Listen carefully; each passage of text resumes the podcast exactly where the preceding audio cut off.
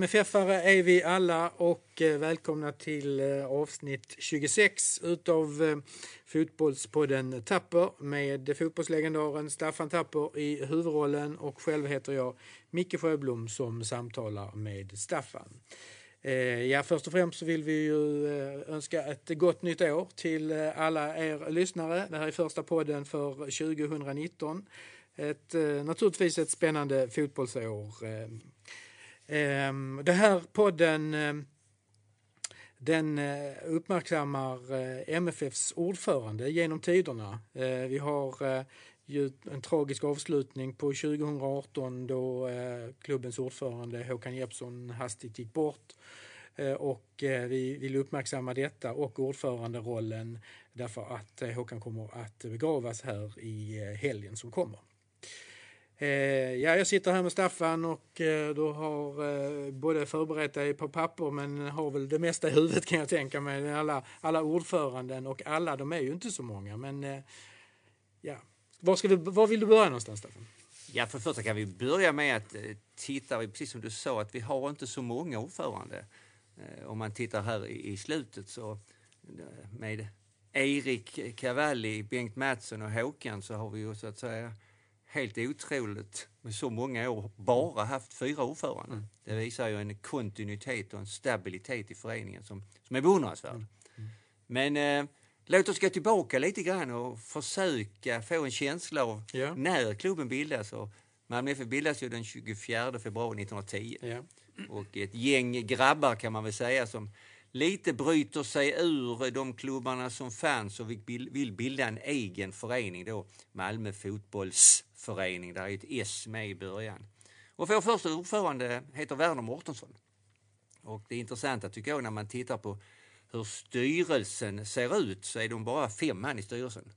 Eh, Fritz Landgren är vice ordförande, Bror Hansson är sekreterare, Oskar Persson är vicesekreterare och sen har vi då kassören Hjalmar Nilsson Eh, Werner Mårtensson som ordförande är ju den enda av dem som inte spelar boll.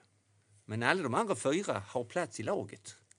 Och det också visar ju tydligt att detta är en kamratförening. Det är nära vänner som känner varandra. Man sitter i styrelsen och man spelar boll.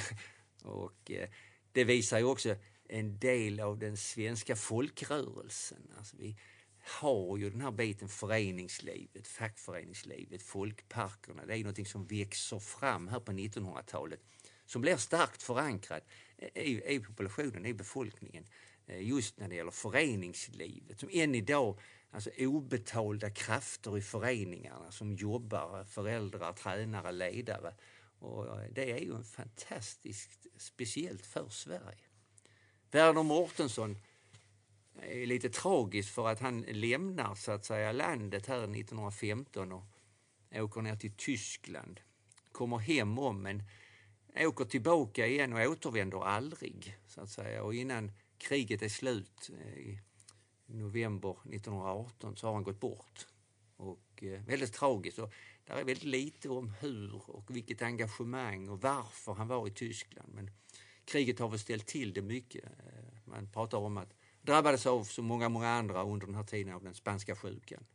Och det ställde ju till mycket att eh, vi behövde en ny ordförande och eh, allredan 1914 då så, så när Werner har, har lämnat till Tyskland så, så väljer vi in en ny som heter Bertil Nilsson. Och sen går det det är samma killar som finns i styrelsen. Bertil Nilsson, Fritz Landgren, Janne Johansson. Det är lite fram och tillbaka. Mm, mm. Och av dem innan Erik som eh, kanske mest tar plats, det är Fritz Landgren tycker jag.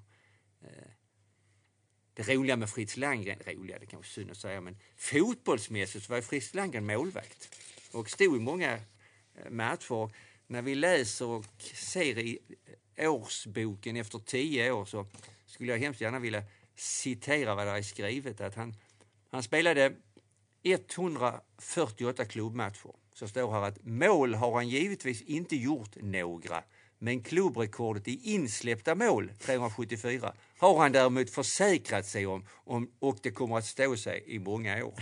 Det är en fantastisk kommentar. Och det, det, det ska ju tänkas att då, man sa, de kommentarerna jag sitter och berättar som en gammal straffmissare själv, som har blivit känd för men eh, det är ju nästan värre att ha blivit känd för kanske målvakt som har släppt in flest mål i MFF. Nu vet vi inte om det är sant ju, för att vi har ju målvakter som har stått där många år. Vi behöver inte nämna någon namn, men om de lyssnar på det så kan de ju själva få räkna efter om de kan slå det här rekordet 374. Ändå om vi, om vi bara backar till, till, till själva bildandet och 1910. Vad, kan vi ge någon, någon bild av hur, hur såg det ut då liksom i, i Malmö? Vad är det här för typ av människor som bildar Malmö fotbollsförening som du säger? För, och, och, vi, kan ju, vi kan ju prata lite grann om IFK Malmö i alla fall de första decennierna. Hur, hur såg det ut där och vad var det för, vad var det för skillnad i, i klubbar? Och vad är det här för, vad är det här för pågar? Liksom? Ja, detta är ju helt klart eh, Socialdemokraterna. Ja. Eh, till skillnad då från IFK Malmö som, som var, var mer egna företagare och akademiker. Eh, klasskillnaden här och strukturen är väldigt, väldigt tydlig. De här killarna som vi läser upp, går man och tittar på vad de jobbar med. Mm. Fritz Lange var konditor, Ja. så att säga, bagare om vi skulle uttrycka det hållet. Och de, de har ju rötterna här helt tydligt och de som tas in efterhand här, Erik själv kommer in, så kommer man ju från arbetarhemmen och även laget och spelarna. Och det är som vi har sagt, det dröjer väldigt länge innan det bryts. Så att där är väldigt tydliga skillnader. Eh, man spelar ju på gamla IP. Gamla IP finns ju allredan, är ju anlagd på slutet på 1800-talet och är ju en privatägd så att säga, idrottsplats. Det är, det är ett aktiebolag som äger den och driver den så man får hyra in sig på de här bitarna. Och eh, där görs ju rätt mycket här för vi får inte glömma här att 1914 har vi Baltiska utställningen här. Och eh, det, den eh, gör ju att man renoverar mycket, man gör mycket både, både i parken, det vi idag kallar Pildammsparken, och idrottsplatsen. Där byggs ju spårvagnslinjer från stan till idrottsplatsen. Så långt utanför låg idrottsplatsen du.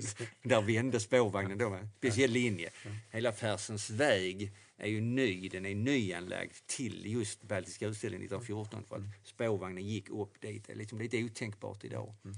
Samtidigt så bryts ju hela Baltiska utställningen. Eh, Den fullföljs ju inte för världskriget bryter ut och tyskarna och ryssarna var och en på sitt håll drar sig tillbaka. Så att tyvärr så, så, så slutar de på det viset. Men så ser Malmö ut och eh, Malmö var inte stort. Stora industrierna börjar växa fram helt klart. Eh, Kockums Kockum och många andra. Vi blir ju här i början på 1900-talet rätt så långt fram ändå en industristad som, som nu är förändrad. Men tung industristad med många arbetarpågar och däribland blir då skillnaden mellan klubbarna väldigt tydlig också. Mm. mm klubben, eh, kan du berätta någonting om liksom, hur såg klubben ut i början eh, under Werner Mortensson? Eh, liksom, fanns, det, fanns det någon uttalad liksom, eh, att, att komma med och spela i den högsta divisionen? När, när började det, när började det liksom bli, bli någonting? Alltså det var ju, killarna här är föreningsmänniskor och fotbollsspelare. Naturligtvis vill man upp i system och så vidare. Men detta var inte organiserat alls som det ser ut idag. Den första allsvenskan som liknar det vi har idag kommer ju 1924-25. Så att det, vi spelar ju regionala serier, helt klart. Vi är ju inte engagerade på det viset heller. Med, där finns ju ingen ekonomi heller i det här. Det får man inte glömma. Alltså, tittar vi på omsättningar så kanske vi pratar 3, 4, 500 kronor om året. Pratar vi material så vet jag vi har alltid diskuterats om varför vi spelade i röda tröjor i början. och Inte från 1921 så får vi ljusblå. Ja, i min värld är det att man frågade om det var någon som kunde skänka oss tröjor. Och då fick vi en målvaktströja och tio andra tröjor utan klubbmärke och utan siffror. Och de använde vi till dem till slut. Och när de då var slitna, utfettade och lagade så fick vi fråga om de kunde få några nya. Så att, där är liksom inte så där mycket tanke bakom det. Det är en liten organisation, lite pengar, rätt så lite folk också får vi inte glömma. Men idrottsintresset börjar ju komma. Det får vi inte heller glömma. Eh, Det börjar ju komma fotbollen mer och mer. Den är ju rätt så enkel fotboll, som en folksport om man uttrycker sig. Arbetarfrågor kan ta en boll och ut och kicka på bakgården eller på gräsmattan eller var man nu fick lov eller inte fick lov att spela boll. Och klubbar växer fram, det blir mer och mer fotbollsklubbar kommer. Sen är det så också att klubbarna på den tiden, även MFF när man växer fram, man, man har även dottersektioner rätt tidigt. Alltså, vi har haft ishockey, handboll, badminton, tennis, bridge och så vidare. Så att det är också en del av gemenskapen och folkrörelsen att man ska kunna vara väldigt breda. Helt klart. Många ska kunna vara med och många ska kunna göra det de tycker är roligt i föreningslivet. Mm. Sen kommer ju när vi avancerar i CS-systemet och fram i 30-talet när vi för första gången går upp i allsvenskan, då börjar det hamna på en annan nivå. Då blir det ju, eftersom allsvenskan 24-25, då blir det ju nationellt. Det blir inte regionalt längre. Och då ställer ju lite andra krav. Och här kommer ju Erik med i styrelsen som sekreterare här i slutet på 20-talet. Vi går ju upp, eh, som jag sa i allsvenskan, 31 är det väl. Men sen kommer den stora skandalen. Mm. Just det. Och den, ja. den är också politiskt betingad, det kan ja. vi inte komma ifrån. Mm. För det första så får vi inte sticka under stolen att vi, vi är anklagade för att ha oegentligheter i ekonomin. Eh, vi erkänner det. Men som Erik kan skriver i årsboken att vi erkänner det, men så gjorde ju alla andra också. Och det, det, är en, kanske en dålig förklaring, men han kan inte låta bli. Va? Och den är ju riktad mot IFK Malmö, för det är IFK Malmö som anmäler oss. Mm.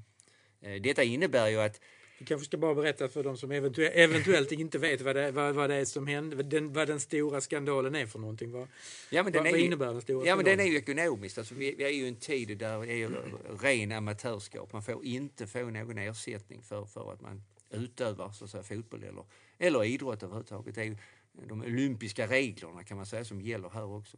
Och ändå försöker man ju värva spelare. Och det får inte köpas utan det ska vara på frivillig basis och de regelverket. Men det kan vara att man kan erbjuda, kanske hitta något jobb eller man kan hitta något material och allt det här. Var. Där har väl varit pengar inblandat lite grann också redan då. Mm. Och då blev det anmält och Svenska fotbollsförbundet kommer ner och gör rester och allting. Och, och det innebär att vi blir dömda. Och din, domen är ju att hela styrelsen och hela laget blir diskade i två år. Och det är ett väldigt hårt straff. Man kan ju tänka sig då om vi skulle drabbas av ett sånt straff att hela vår styrelse och hela vårt A-lag är diskat i två år. Det, och så åkte vi ner i division 2 också, jag får inte glömma det heller. Så att det, det tog hårt och eh, jag tror väl inte att de här eh, ränderna sitter kvar nu. Va? Vi, vi, vi skojar mer om det, vi mm. pratar mer om det som anekdoter men långt in på 60-70-talet och definitivt så länge Erik levde så fanns ju det här med med gult. Absolut. Som var inte bara klubben utan även färgen. Ja, verkligen. Så att, ja, ja. den kan vi inte komma ifrån helt klart. Vi har ju några ordförande där innan, innan eh, då det här, den stora skandalen. Men de byter lite grann där. Vi har pratat om Fritz Langren och Janne Johansson. Finns det någon eh, Ja, vet vi varför det byttes, de, just de bytte fram och tillbaka? Eller? Eh, nej, nej det, exakt inte, men de, de har ju förtroende båda. Va? Ja. Och det, det var väl lite, jag tror, lite grann i den folkrörelsen, föreningslivet, att man det, det, var roligt att få träffas och diskutera och rösta och lägga motioner. Det är liksom ett helt, helt paket någonstans och det gjorde man och någon som talar väl och någon andra. Man bildade lilla fraktioner inom klubben, någon tyckte det och de mm. tyckte det och så skulle man rösta. Det var ju väldigt demokratiskt och då får vi ju tänka tillbaka hundra år. Det fanns ju inte alla de här bitarna med rösträtter och kvinnors rösträtt. Jag menar, allt sånt var på väg att blomma ut folkhemmet och en del av detta är ju att man får lov att ändra, rösta på någon annan i föreningslivet. Mm. Och jag tycker detta är ett tydligt tecken. Att, ah, nu får ni ha en ny ordförande, han har suttit två år. Så röstar vi på honom. Ah, det var inte bra, nu röstar vi tillbaka han igen. För det är inom samma krets vi är ju. Liksom. Vi plockar inte någon ordförande utifrån eller en företagsledare. Utan det är ju grabbarna i laget, det är familjen vi tar det ur. Så att eh, ena året var man ordförande, nästa år var man kanske vice ordförande. Men mm. det, det ändras ju inte förrän vi kommer in långt in här närmare nutiden. Ja. Så att säga. Ja. Mm. Eh, ja, sen kommer då, då händer då den stora skandalen där och då, då får vi då en, en, annan typ av styrelse under ett par år med C.E. Eriksson som, som ordförande i den eh, i den styrelsen. Vem, vad, var det för person? Ja, men han plockades ju så att säga utifrån kan man säga. Va? För att hålla koll på föreningen, hålla koll på att man gjorde det man hade blivit ålagd. Att eh, övriga var diskade, att laget flyttades ner. Och ändå skulle han ju se till så att verksamheten fungerade. Och det kan ju inte ha varit så lätt att, att, att göra det utifrån. Man hade ju ändå ett lag som skulle spela. Var, var skulle jag få spelarna ifrån? Och, eh, ekonomi och hur ska vi lösa detta? Och det är ändå två år. Mm. Så att eh, är beundransvärt tycker jag eh, av en person att sätta sig och ta det ansvaret. vi är ändå framme det är ju nationella serier. Eh, och tufft också. Man, vi pratar idag om ett gott varumärke i MFF och vikten av att synas på rätt sätt och allt det här. Va? Jag menar när vi blir diskade här så är ju det varumärket var ju inte speciellt bra då. Så att det krävdes ju väldigt mycket efter det att bygga upp det igen. Va? Och det har det ju gjorts under många år va? på ett fantastiskt mm. sätt. Alltså. Men jag kan känna ändå att där är väl kanske den största oron som vi någonsin har haft i föreningen. Att överleva och komma igenom. Mm.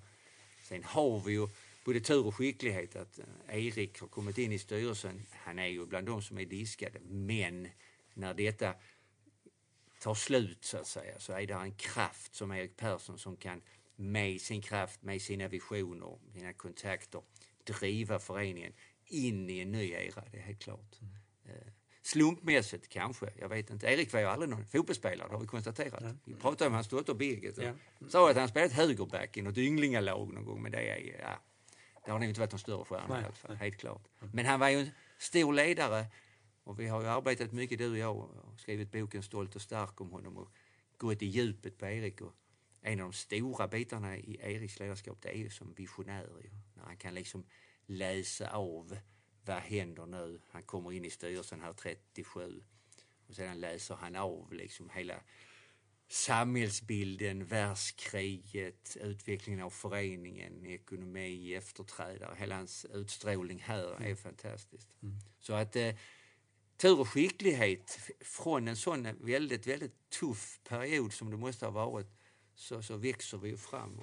Och Eriks bit om man ska ta lite kort, är ju att göra oss eh, inte bara ett lag så att säga regionalt utan när vi tar första guldet 1944 så har han fått oss till ett nationellt lag. Alltså vi är ju på den nation så vi är ett av de stora lagen efter guldet 44 i fotbolls-Sverige, helt mm. klart. Mm. Om vi backar bara lite till 30, 36, 34, 36. Det var väl egentligen så att eh, de som var i styrelsen där innan, de fick egentligen inte arbeta eh, runt klubben. Men eh, när vi skrev boken så fick vi nog reda på att Erik han, han jobbade ganska mycket eh, eh, runt om, under de två åren ändå trots allt i det tysta och bakom kulisserna så att säga.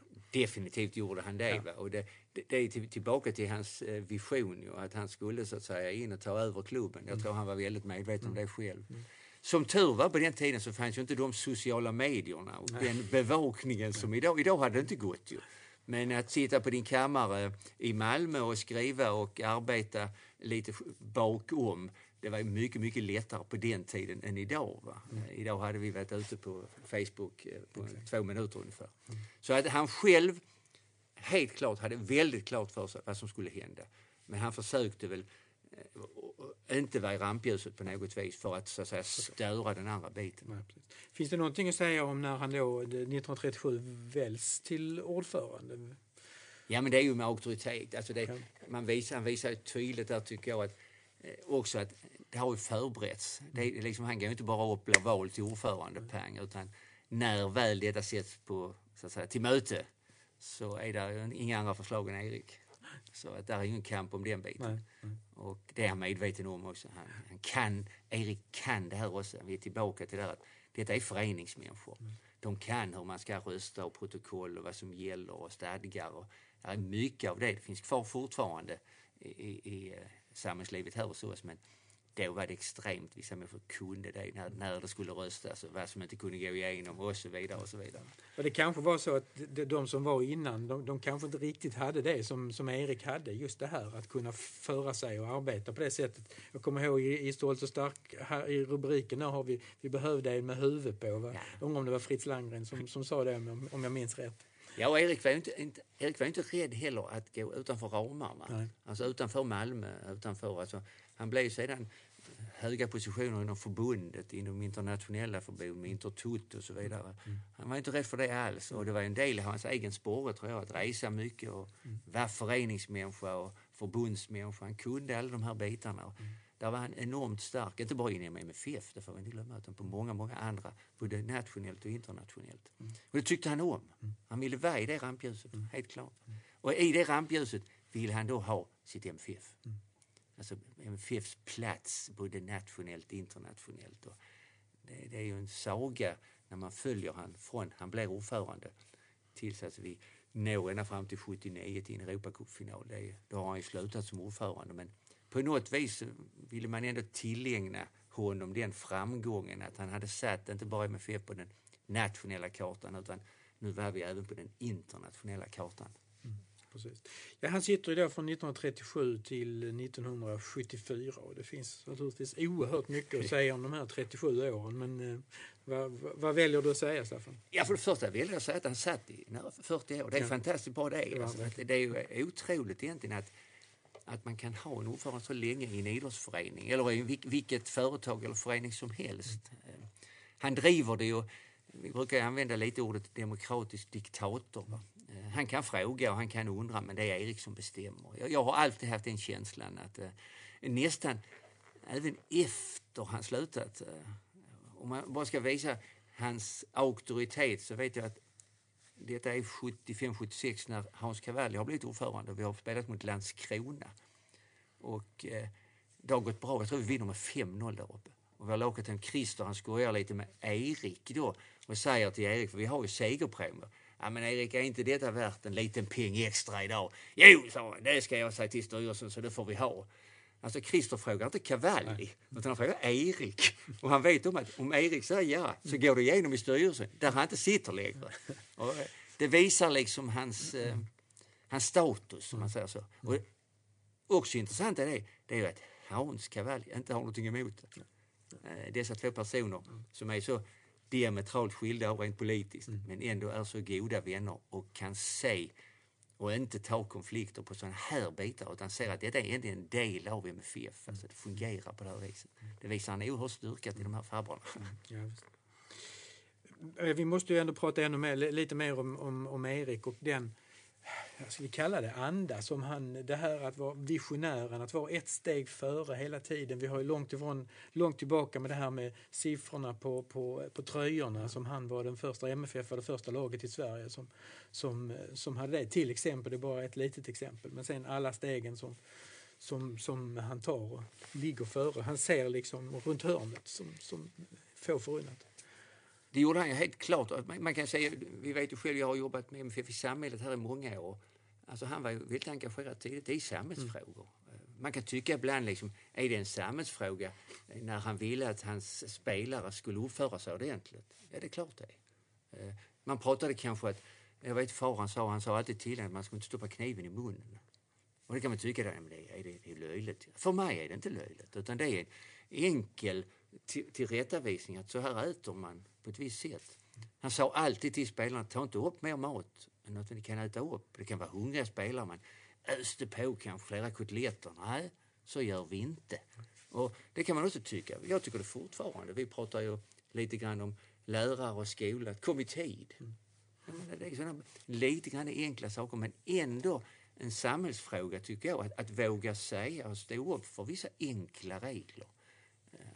Han pratar ju om det dracks ju brännvin på den tiden. Man fick ju brännvin i fotbollen. Så Men han sa ju ändå att ja, det, är inte, det räcker. Alltså, tar ni mer än två, det är bara svin som tar mer än två supar till maten. Va?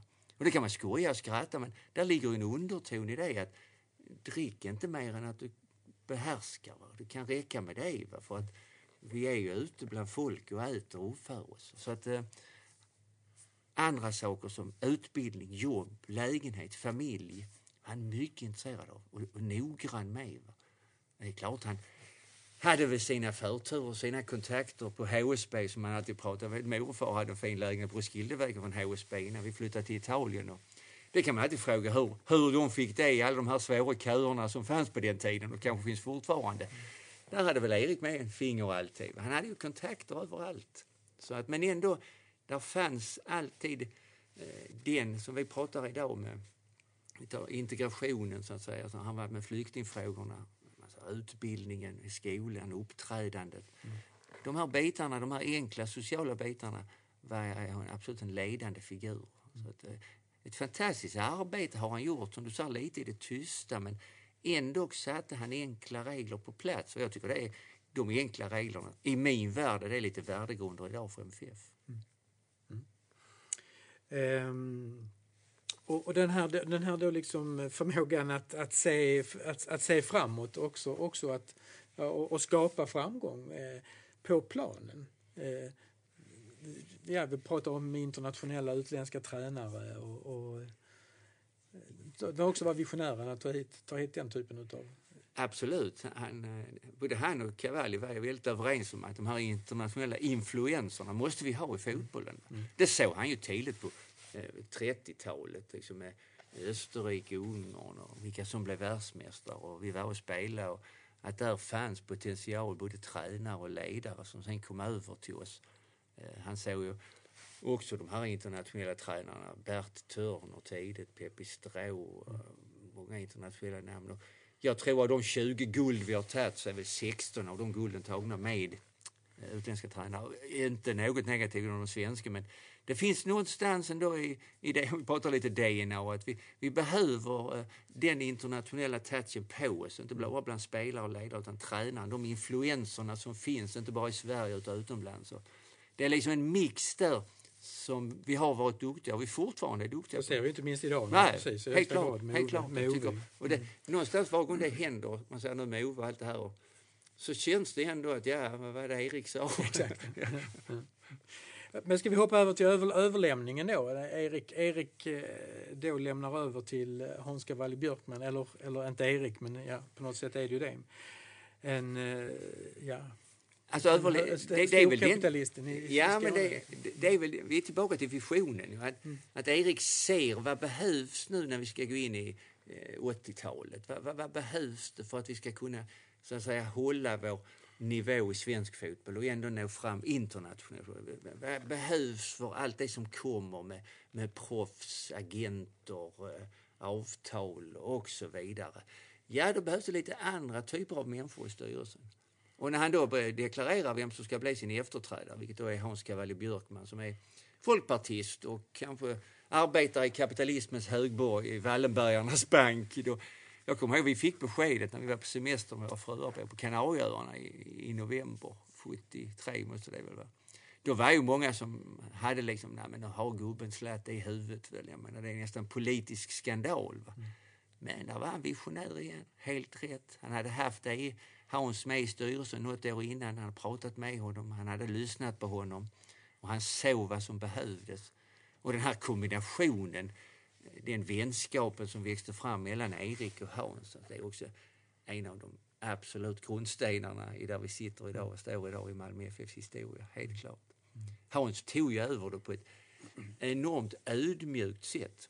Jag känner ju Hans som, som bankdirektör i S-banken. Jag har själv jobbat i banken i många år, haft han som chef. Och Ja, det kan väl, där kunde väl ödmjuken brista många gånger tyckte jag i den biten, i hårda beslut och diskussioner.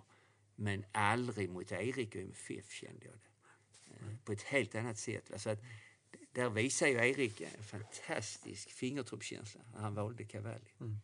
Sen tar ju Cavalli han tar ju över detta med, med de här grundstenarna som de har ihop. Han tar ju över det och driver det precis som Erik hade tänkt sig under Hans tid så kommer ju professionalismen in. Mm. Vi, vi vinner ju fem ligatitlar på, på 80-talet men vi får bara två för de har gjort om det i förbundet lite grann. Men vi kommer ut internationellt. Vi, vi, vi, vi blir starka igen helt klart. Och eh, ja, eh, helt nya anda kommer in. Vi blir mer professionella. Och det är ju liksom att Erik såg att det var det vi behövde. Mm. Sen är det ju 80-talet är rätt så framgångsrikt, 70-talet är mycket framgångsrikt. Sen kommer 90-talet och det är lite svårare för oss, helt klart. Ja. Eh, fotboll, det vet vi idag, har ju mycket med ekonomi att göra. Och, eh, driva en professionell fotbollsklubb kostar ju mer pengar än vad det har gjort tidigare. Så här, här krävs ju många beslut, det kommer in mycket med avtal och sponsorer och, och professionalism så att säga. Eh, det handlar vi också när sedan vi kommer in i 90-talet, som är ett jobbigt år årtionde. Mm. Det ser vi inte minst resultatmässigt. Så landar vi också att vi, vi åker ju ur allsvenskan 1999. Och då är vi inne på en ny ordförande. Eh, mm. Och då är ju Bengt Mattsson, eh, jag, jag, tycker Bengt har fått lite oförtjänt dåliga eh, så att säga recensioner i sin ordförande. Men och det kanske är för jag har medkänsla. Jag brukar ta det här med min, min gamla straff. Liksom man kommer ihåg det och så kommer man ihåg Bengt för att han var ordförande när vi åkte ur allsvenskan. Jag brukar säga det, när jag tittar på Bengt, eh, vad han har gjort i MFF, så, så för mig är han den ordförande som tog upp oss i allsvenskan igen. Han är den ordförande som gav oss tillbaka, eller ordnade tillbaka guldet efter 16 år, va? när vi tar guld 2004. Han är den ordförande som säger ja till att starta fotbollsakademin. Eh, anställer mig, mig själv då årsskiftet 2004-2005 och ser liksom den. Och ser vi på den utveckling som har varit med akademibiten sen Bengt till det beslutet så är det ju en fantastisk utveckling. Han eh, står ju så att säga som initiativtagare också till vår stadion. Precis. kan vi inte komma Precis. ifrån. Nej, nej. Och jag tror att spadtaget är jag med med våra akademikillar är på hösten 2005 där vi sätter spaden i plan 1 här på gräsplanen. Och sedan en arena som står klart 2009. Så att tittar man på de bitarna och sätter det i perspektivet så vad man tycker om Bengt som ordförande så, så tycker jag fortfarande att de bitarna får man inte glömma på Bengt. Alltså, fantastiska meriter tycker jag, mm. i lite i det tysta. Mm. Mm. En bit till som Bengt har som många av de andra inte har. Erik hade det lite grann på nivå, det är att han är förbundsmänniska. Just det, just det. Bengt satt ordförande i svensk elitfotboll i 15 år tror jag. Och han satt vice ordförande i förbundsstyrelsen. Och det är också en viktig bit i, i vår, så att säga, under den perioden när Bengt är att vi har kontakt, insyn, vet vad som händer på nationell nivå. Mm. Eh, vilket vi saknar idag faktiskt lite grann. Mm. Om det är bra eller dåligt, det vet jag inte. Men jag kan bara konstatera att mm. då tyckte jag det, det var bra. För att det fanns en insyn, man visste vad som hände och vad man skulle ta del av. Så Bengt eh, sätter gärna lite stjärnor på ja. som han tyvärr inte har fått tidigare. Mm. Sen lämnar vi över till Håkan. Ja. Och då är vi inne på Håkan Jeppsson som, som nu väldigt tragiskt gick bort för oss. Och han för oss in i ett ytterligare ny dimension, helt klart. Eh, som företagsledare och eh, kan den biten, hur ska man driva ett företag, är ju väldigt tydligt. De tidigare ordförande har varit operativa ordförande och varit med i det operativa arbetet. Det vill han inte vara längre. Han vill vara styrelseordförande och leda föreningen. Men det operativa ska skötas av en VD. Och var det här Pelle, Pelle Svensson och sen Per Nilsson och nu är det Niklas Karlén. Mm. Så det är helt klart att föreningen byggs enligt företagsgrundbitar. Mm. He, helt rätt tycker jag. Man tar, vi måste vara i den dimensionen. Tuffa år i början för Håkan, helt klart. Ekonomin är tuffare, det vet vi om. Vi vänder hela detta rent fotbollsmässigt. Vi har varit ute i två Euroleague gruppspel och två Champions League-gruppspel. Nu är vi vidare från gruppspelet i Euroleague mot, mot Chelsea här om någon vecka. Och det har gjort att den ekonomin som Håkan ville vi skulle ha och vi får, den har vi fått. Eh, vi äger vår arena mm. till 100 procent. Det medför svårigheter kanske, i alla fall eh, utmaningar i framtiden, helt klart, när vi ska vara fastighetsägare, när vi är fastighetsägare. Men eh, det känns ändå som att många klubbar som vi har läst om, både i Sverige och utomlands, har ju haft svårt att hantera de ekonomiska framgångar man har haft. Och hittills, tycker jag MFF inte har hamnat i den sitsen utan man har klarat av det. Eh, man har ju vuxit eh, personellt, ekonomiskt, stadion, klubbar, tränare. Man är på andra hyllor och handlar som vi sa på spelare. Men samtidigt så är vi på andra hyllor när vi säljer också spelare. Så, eh, så Håkan tog oss in i en företagsvärld. Och där är vi idag, helt klart. Mm. Ja, eh, vi har då ett antal eh, ordförande, inte så, inte så många under eh, de här hundra, vad är det, 118 ja, någonting sånt, ja. Så, år, åren. Eh, och eh, då står vi efter att införa att välja en efterträdare till, till eh, Håkan här på i årsmötet som också sker om, om några veckor. Det ska vi göra och tittar man då lite tillbaka så, så kan man ju tydligt se ändå i alla fall om vi går tillbaka till Erik, att de man har valt har suttit i styrelsen. Mm.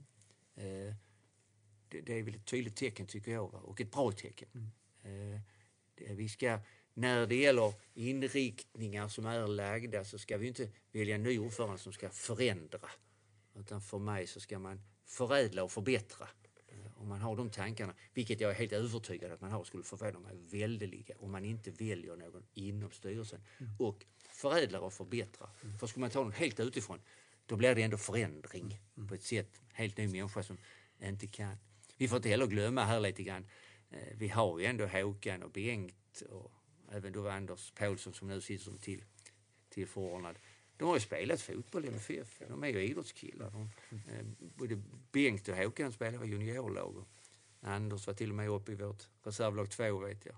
Eh, Håkan får vi inte heller glömma var ju på landslag, så nästan världsklass på pingsidan. ja. Eh, och Så de, är, de är ju föreningsmänniskor här va? och det tror jag är väldigt, väldigt viktigt. kan man tycka vad man vill, att man, ska ha influenser utifrån och allt men vi, vi ska ändå vara noga med det vi kan och det vi har. Va? Vi kan förädla, vi kan förbättra men vi behöver inte förändra strukturer om de är bra. Får inte glömma. Så att den tror jag inte kommer att bli några större sensationer. Jag hoppas inte det heller. Eh, ja, nej, vi får se helt se, ja. vem som blir, vem som blir vald vid Ja. eh, årsmötet. Första mars. Eller? Jag kan inte det. Nej, nej, vi får nej, kolla. något sånt, ja. Ja. Eh, vem som blir vald vid årsmötet. Eh, bara en avslutande eh, för und, undran här. Du har ju egentligen besk- beskrivit det, men alltså rollen som ordförande eh, bak de här Werner, och Bertil och, och Fritz och, och med eh, Bengt Mattsson och Cavalli och Håkan. Alltså att vara ordförande, den rollen och den som vi nu ska... ska eh, det är naturligtvis vitt skilda upp, uppgifter som, som Ja, de ja, har ja, ställt inför. Visst är det Såklart. Ja. vitt skilda uppgifter, men ändå det är absolut gemensamma. Det är ju ledarklubben. Mm. Det är Oavsett eh, hur det ser ut eller vad det har varit så är det ändå en viss dynamik i att leda klubben. Att eh, veta hur klubben har varit. Vad är vår styrka? Och vad är det som kommer att hända framöver? Vad är utmaningarna? Tillbaka till Eriks visioner. Vad kommer att hända politiskt? Vad är våra stora frågor? Vad är nästa sport? Är det e-sporterna? Hur, hur ser vi ut på jämlikheten, jämställdheten? Vad kommer att hända politiskt? Du måste som förening och ordförande måste du vara inne i de här frågorna och på ett bra sätt kunna hantera dem. Och för oss blir det oerhört viktigt att kunna ta ställning i politiska frågor utan att vara partipolitisk. Det är oerhört viktigt tror jag i framtiden. Vi får inte vara rädda att säga att vi har och vi arbetar med en skola. Det är bra att ha en bra skola. Vi behöver inte gå längre. Så leva upp till de här bitarna. Eh, Och det tror jag blir oerhört viktigt i framtiden. Eh, De värdegrunderna som vi pratar om och de vi sätter på papper måste vi också kunna stå upp för och visa att vi praktiskt, att vi verkligen har dem i vårt DNA och att vi verkligen lever som där står. Så att inte det står ett papper någonstans, värdegrund, och sen så lever inte MFF-arna efter det. Det tycker jag en ordförande ska vara oerhört noga på, att, att leva vidare med.